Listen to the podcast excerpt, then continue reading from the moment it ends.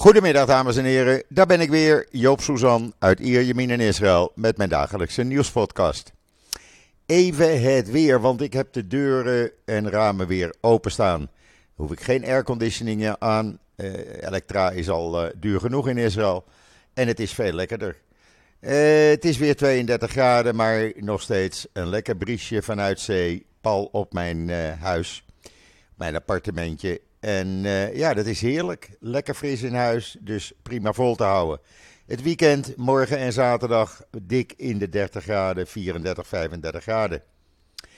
En dan corona. De nieuwe cijfers van gisteren zijn nog niet bekend. Maar ik beloof u ze zo snel mogelijk online te zetten. Eh, en in Twitter en uh, op andere sociale media.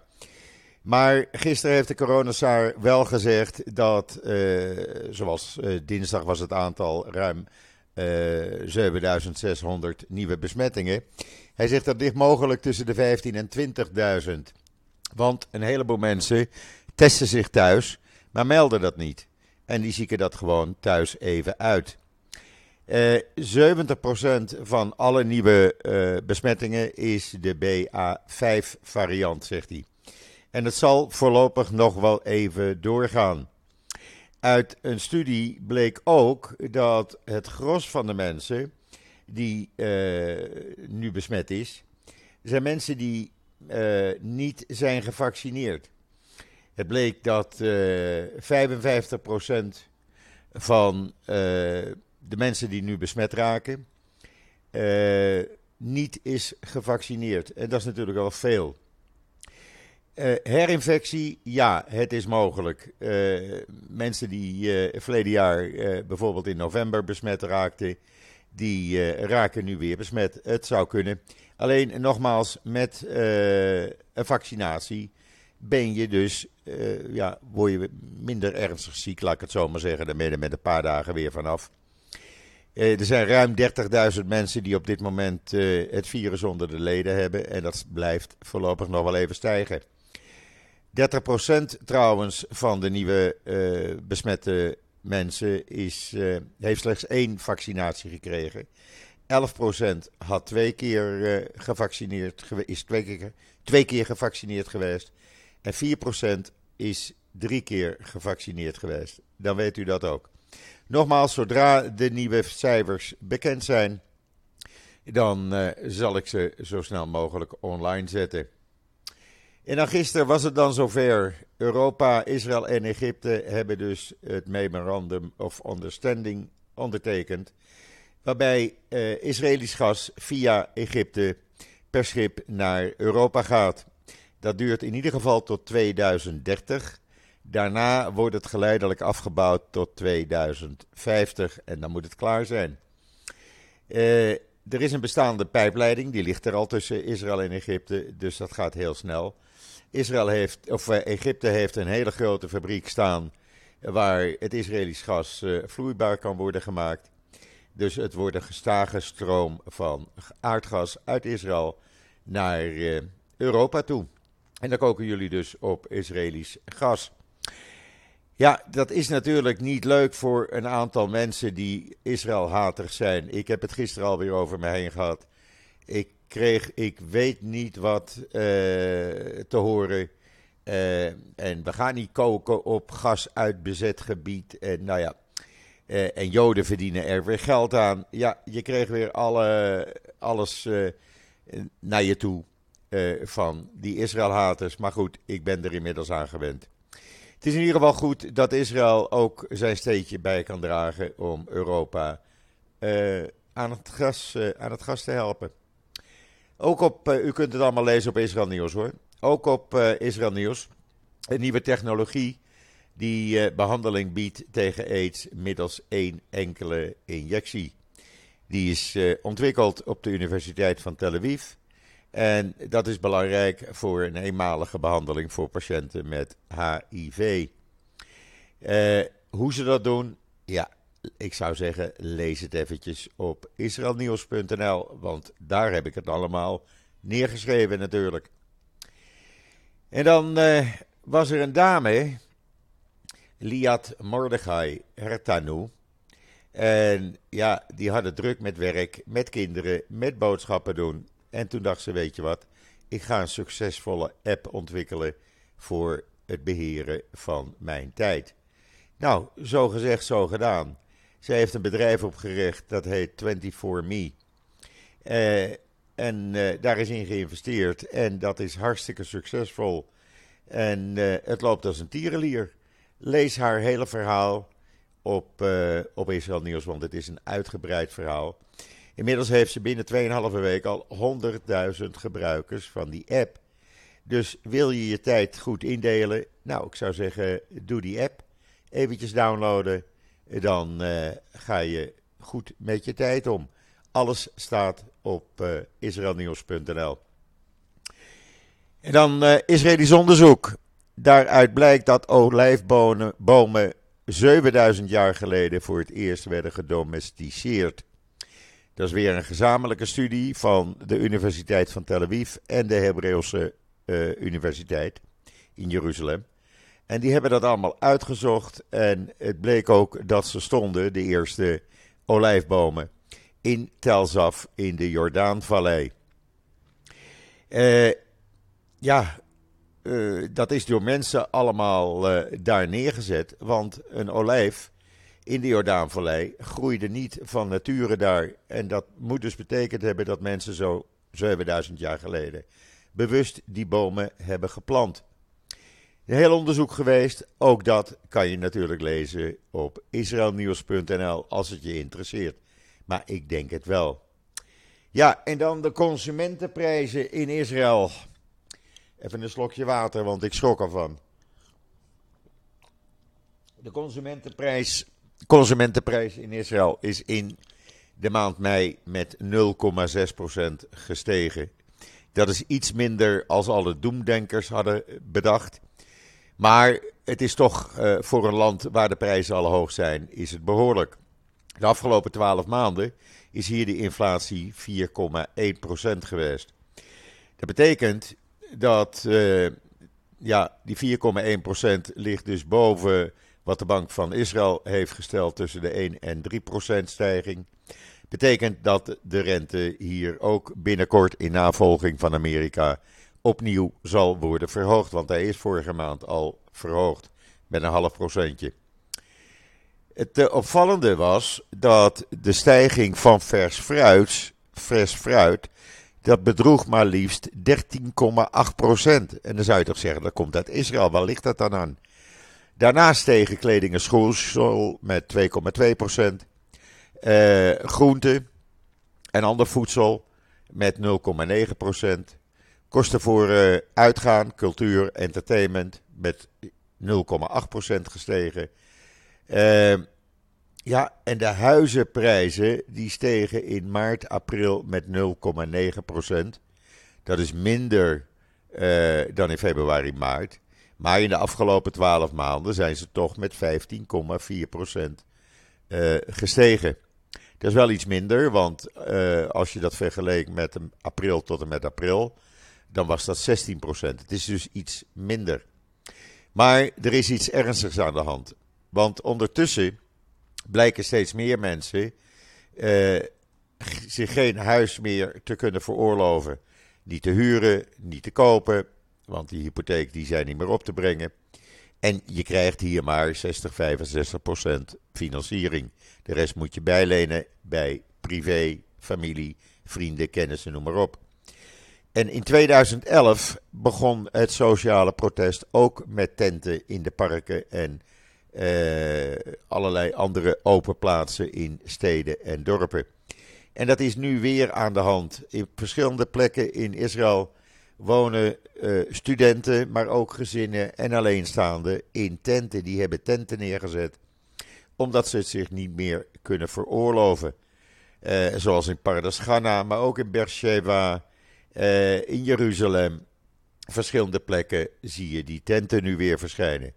Dat zeg ik, in 2011 hebben we dat ook gehad. Toen begon dat grote sociale protest. Wat uitmondde in een demonstratie van meer dan een half miljoen mensen. Waarna eindelijk de regering Netanyahu er iets aan deed. Maar inmiddels is dat allemaal weer achterhaald. Uh, ik ben benieuwd of we nu weer een protest krijgen. Voor mij mag het. Ik ga weer meedoen. Uh, je kan dat verhaal over die tentenkampen even lezen op de Engelstalige Ynet. Maar het is een trieste ontwikkeling. En dan heeft Avi Tiomkin, een van de leidende financiële specialisten hier. Hij adviseert de grootste hedgefondsen in de wereld. Die uh, denkt dat we aan de vooravond staan van een recessie. Eigenlijk is die al begonnen wereldwijd. En dat heeft te maken met wat er in Amerika gebeurt, waar de aandelenmarkten in elkaar zijn gedonderd. En hij verwacht dat binnen vier tot vijf maanden zal de Amerikaanse bank het beleid om rente te verhogen weer veranderen. En de rente moeten verlagen vanwege een diepe recessie die Amerika uh, ondergaat dan. En die de hele wereld uh, teistert. We gaan af, uh, zegt hij, we glijden af naar een zeer zware recessie. De Amerika leidt dat en we zien vandaag al veranderingen, zegt hij, in het inflatieproces. Het is ook zo dat deze man ook de financiële crisis van uh, 2008 goed heeft voorspeld. En daarvan nog steeds zegt dat die eigenlijk nooit is opgelost. Hij zegt, we hebben nu te maken ook nog eens een keer met COVID-19, de oorlog in Oekraïne. Het kan allemaal niet slechter. Hij zegt, want toen COVID-19 begon, uh, ja, toen werd er in één keer 9 miljard dollar uh, door de centrale banken in het banksysteem geïnjecteerd. En dan kreeg je een soort uh, buffervorm. Maar ja, de rentetarieven waren laag. En nu met die hoge inflatie hij ziet het niet zitten. Hij denkt ook dat de Amerikaanse vastgoedmarkt in elkaar dondert. En ook Europa krijgt daar een tik van mee. Uh, deze man, ik acht hem hoog. En je kan het lezen in de Engelstalige Globes. G-L-O-B-E-S. Hou het in de gaten. Een gewaarschuwd mens telt voor twee, zeg ik altijd. Ja, en dan ook de afgelopen nacht heeft de IDF samen met de andere veiligheidsdiensten weer elf terreurverdachten aangehouden. En uh, heeft wapens gevonden en een bedrag van 100.000 shekel, ruim 28.000 euro. Die mensen zijn allemaal overgedragen aan de veiligheidsdiensten en men blijft dat doen om te proberen zo uh, een einde te krijgen aan die uh, terreuraanslagen. En dat dat de kans daarop steeds kleiner wordt. En dan uh, de Israëlische start-up Re-Automotive. Die uh, gaat in Engeland een volledig gerobotiseerde assemblagelijn maken. Voor zijn auto-onderstel, waarbij in elk wiel een elektromotor zit. Dat is een uniek iets. Uh, ze beginnen in Coventry. En uh, het zou best eens kunnen zijn dat in de komende jaren auto's hiermee worden uitgevoerd in, plaats van met batterijen uh, die onder de auto zijn uh, geplaatst. Het staat allemaal op israelnieuws.nl met een video erbij. Ik heb er al vaker over geschreven. Ik blijf het volgen, want ik vind het heel interessant. Ja, en dan heeft mijn goede vriendin en tafel, keukentafelgenoot Esther Voet een fantastisch hoofdartikel. En ik zou zeggen, ga even naar de uh, website van het NIW, niw.nl, en lees hem. PR Stunt. Want wat is er namelijk gebeurd? Op 12 juni in het radioprogramma Met het oog op morgen kwam ene Moenier Samuel even vertellen over de LGBT-gemeenschappen, uh, de gay-gemeenschappen in het Midden-Oosten. En uh, daar was ene presentatrice, Mieke van der Wij. Ik ken haar niet, de naam zie ik voor het eerst. En uh, ja, die geloofde alles wat hij vertelde. Want die Tel Aviv Pride, ach, dat is allemaal maar niks. Dat stelt allemaal niks voor. Dat zijn die Joden weer die daar geld aan verdienen. En dat is een toeristische PR-stunt voor homoseksuelen. Want het zijn allemaal de meest vermogende mannen. En van mevrouw Van der Wij, die slikte dat allemaal, die geloofde dat allemaal. Tja, Joden en geld natuurlijk. En dan uh, begon hij ook nog eens een keer over uh, dat homoseksuelen hier geen uh, leven hebben in Israël. ze mogen wel een kinderwens hebben, die wordt ook gesubsidieerd. En dat gebeurt dan allemaal met Joodse eicellen, waar Joodse kindertjes in India van worden gemaakt. En zo ging deze man nog maar een heel tijdje door. En mevrouw van der Wij geloofde dat allemaal, slikte dat voor zoete koek. Dat is het niveau van het met het oog op morgen. Wat ik vroeger eigenlijk een van de beste radioprogramma's vond. Maar ja, lees het maar, dan zul je begrijpen. Uh, de radio in Nederland, men slikt alles. En uh, je kan eigenlijk niks meer geloven wat er gezegd wordt.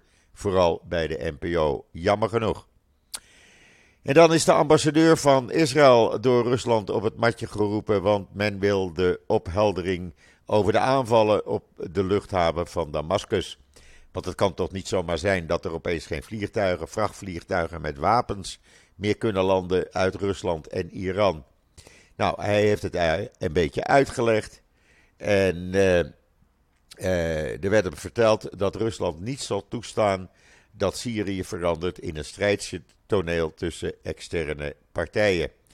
En drong er bij de ambassadeur van Israël op aan de territoriale integriteit van Syrië te respecteren. Nou, dat zal hij dan wel gaan doen, neem ik aan. Ja, en dan uh, heeft Biden gevraagd aan Israël: maak nou geen unilaterale stappen ten, opzichte van de Palestijnen voordat ik op bezoek ben geweest. Want ik wil het, uh, mijn uh, bezoek wel zo gezellig mogelijk hebben en niet met allerlei problemen. Nou, daar gaat Israël zich wel aan houden. Hij komt over een maandje. Ach, en dat is zo om, zullen we maar zeggen. Ja hoor, en de vriend van premier Bennett, zijn partijgenoot, de man die gekozen is door het Israëlische volk om uh, kiezers te vertegenwoordigen in de Knesset, die loopt over naar de Likud van Netanyahu, want hij wordt op plek 19 gezet. En hij mag ook minister worden. Hij wil de minister van Onderwijs, maar dat staat uh, de Likud niet, toe, Likud niet toe. Nee, jij wordt minister van Nederzettingen. Nou, dat vindt hij ook een prachtige baan. En om die reden zou het best zo zijn dat meneer Orbach, de verraaier noem ik hem maar, volgende week de regering Bennett uh, opblaast. Want hij vindt zichzelf belangrijker dan het landsbelang. En helemaal belangrijker dan premier Bennett. Hoe goed deze regering het ook doet. Want om maar een voorbeeldje te geven, de afgelopen twaalf maanden, sinds deze regering er zit, is er bijna niets gebeurd rond Gaza. Geen uh, mensen in de Gaza-strook die in de schuilkelders moesten. Uh, geen terreuraanslagen daar. Helemaal niets. Een jaar hebben die mensen in rust kunnen leven. Nou, dan mag dat voor mij nog wel een paar jaar zo doorduren. Maar de Likud uh, en de rest van de oppositie heeft al een voorproefje gegeven van wat we kunnen verwachten. En dat zat er al aan te komen, want het was een idee van Netanyahu. Hij wil namelijk het Hoge Rechtshof naar zijn hand zetten. En hoe gaan ze dat nu doen? Uh, ze gaan het benoemingsproces van het Hoge Rechtshof uh, veranderen. Dat wordt nu gedaan door externe functionarissen met wat politici. Maar dat gaat dan gebeuren door de Knesset. Die gaat dan bepalen wie uh, rechter in het Hoge Rechtshof wordt. Als dan uh, de Likud en de andere partijen samen een meerderheid hebben, dan weten we al welke kleur en welke richting deze nieuwe rechters moeten hebben. En hoe ze dan tegenover Netanyahu staan. Dan kan je niet meer zeggen dat dit onafhankelijkheid uh, betekent. Helemaal niet, want dat betekent dat de politiek bepaalt wie er rechter in het hoge rechtshof wordt. Ja, nou dat vind ik dus helemaal tien keer niks. Dan is de onafhankelijkheid ver te zoeken. En die onafhankelijkheid is er nu nog wel. En dan hadden we nog zo'n overloper van de linkse partij Meres, mevrouw Gaida Rinawi Zoabi, die uh, al uh, tegen de coalitie stemt. Uh, die ook vindt dat ze belangrijker is dan het landsbelang. En die heeft nu gezegd van, ik ga er nog niet uit nu, maar ik ga me niet meer verkiesbaar stellen, want ik ben niet geschikt om de politiek in te gaan. Dan denk ik, mens, als je jezelf niet goed genoeg vindt voor de politiek, ga er dan nu uit. Laat iemand anders dan je plaats innemen, die wel met de regering wil meestemmen. dan weten we in ieder geval zeker dat deze regering nog een tijdje aan de gang kan gaan. Uh, ja, het is wat het is. Ik, uh, ik geef mijn mening. En het is de mening van heel veel mensen hier. En dan voor de autoliefhebbers. Er is in de Jordaanvallei een nieuw autocircuit uh, gemaakt. En uh, dat, uh, ja, daar kan je lekker racen. het is een heel nieuw circuit. Het ligt in Petzal. Mocht je in de buurt zijn, ga dan eens kijken. Ik ga het proberen binnenkort. Gewoon even kijken, niet om te racen. Want dat doen we niet, maar niet meer. Maar ik wil dat wel even zien. Ik lees het allemaal gisteravond in uh, uh, de Hebreeuwse Ynet. Zodra het uh, in een Engelstalig persbericht is, zal ik het online zetten. En anders ga ik deze wel even voor jullie vertalen. Ja, en dan wat normaal gebeurt tijdens de zomervakantie tot het begin van het nieuwe schooljaar op 1 september, is nu al aan de hand. Er zijn al de hele week uh, korte twee uur durende stakingen. In elke regio begint men dan uh, een andere dag twee uur later. Vandaag was dat uh, in Goesdan, ook bij mij in de buurt, begonnen de scholen om tien uur. En men zegt, weet je wat, we gaan het dus omdraaien. We willen meer salaris hebben. En als we dat niet krijgen, nou dan gaan we staken. Voordat de vakantie begint, dan begint de vakantie maar een paar dagen eerder. Nou, eens kijken hoe dit zich gaat ontwikkelen. Never a dull moment. Ook voor Unilever never a dull moment, want een van de belangrijke aandeelhouders in Amerika heeft Unilever aangeklaagd bij de rechtbank wegens hun boycott van Ben en Jerry in Israël. Lees het op de Jeruzalem Post. En dan, uh, ja, mogelijk is Benny Gans, de minister van uh, Defensie al te laat met het benoemen van een nieuwe opperbevelhebber. Want de uh, extra termijn ook van deze huidige opperbevelhebber, Kogavi, die verloopt later dit jaar. En hij heeft drie mensen op het oog en een van die drie wil hij benoemen. Nou, dat is altijd een goede zaak. De minister van Defensie hoort dat ook te doen.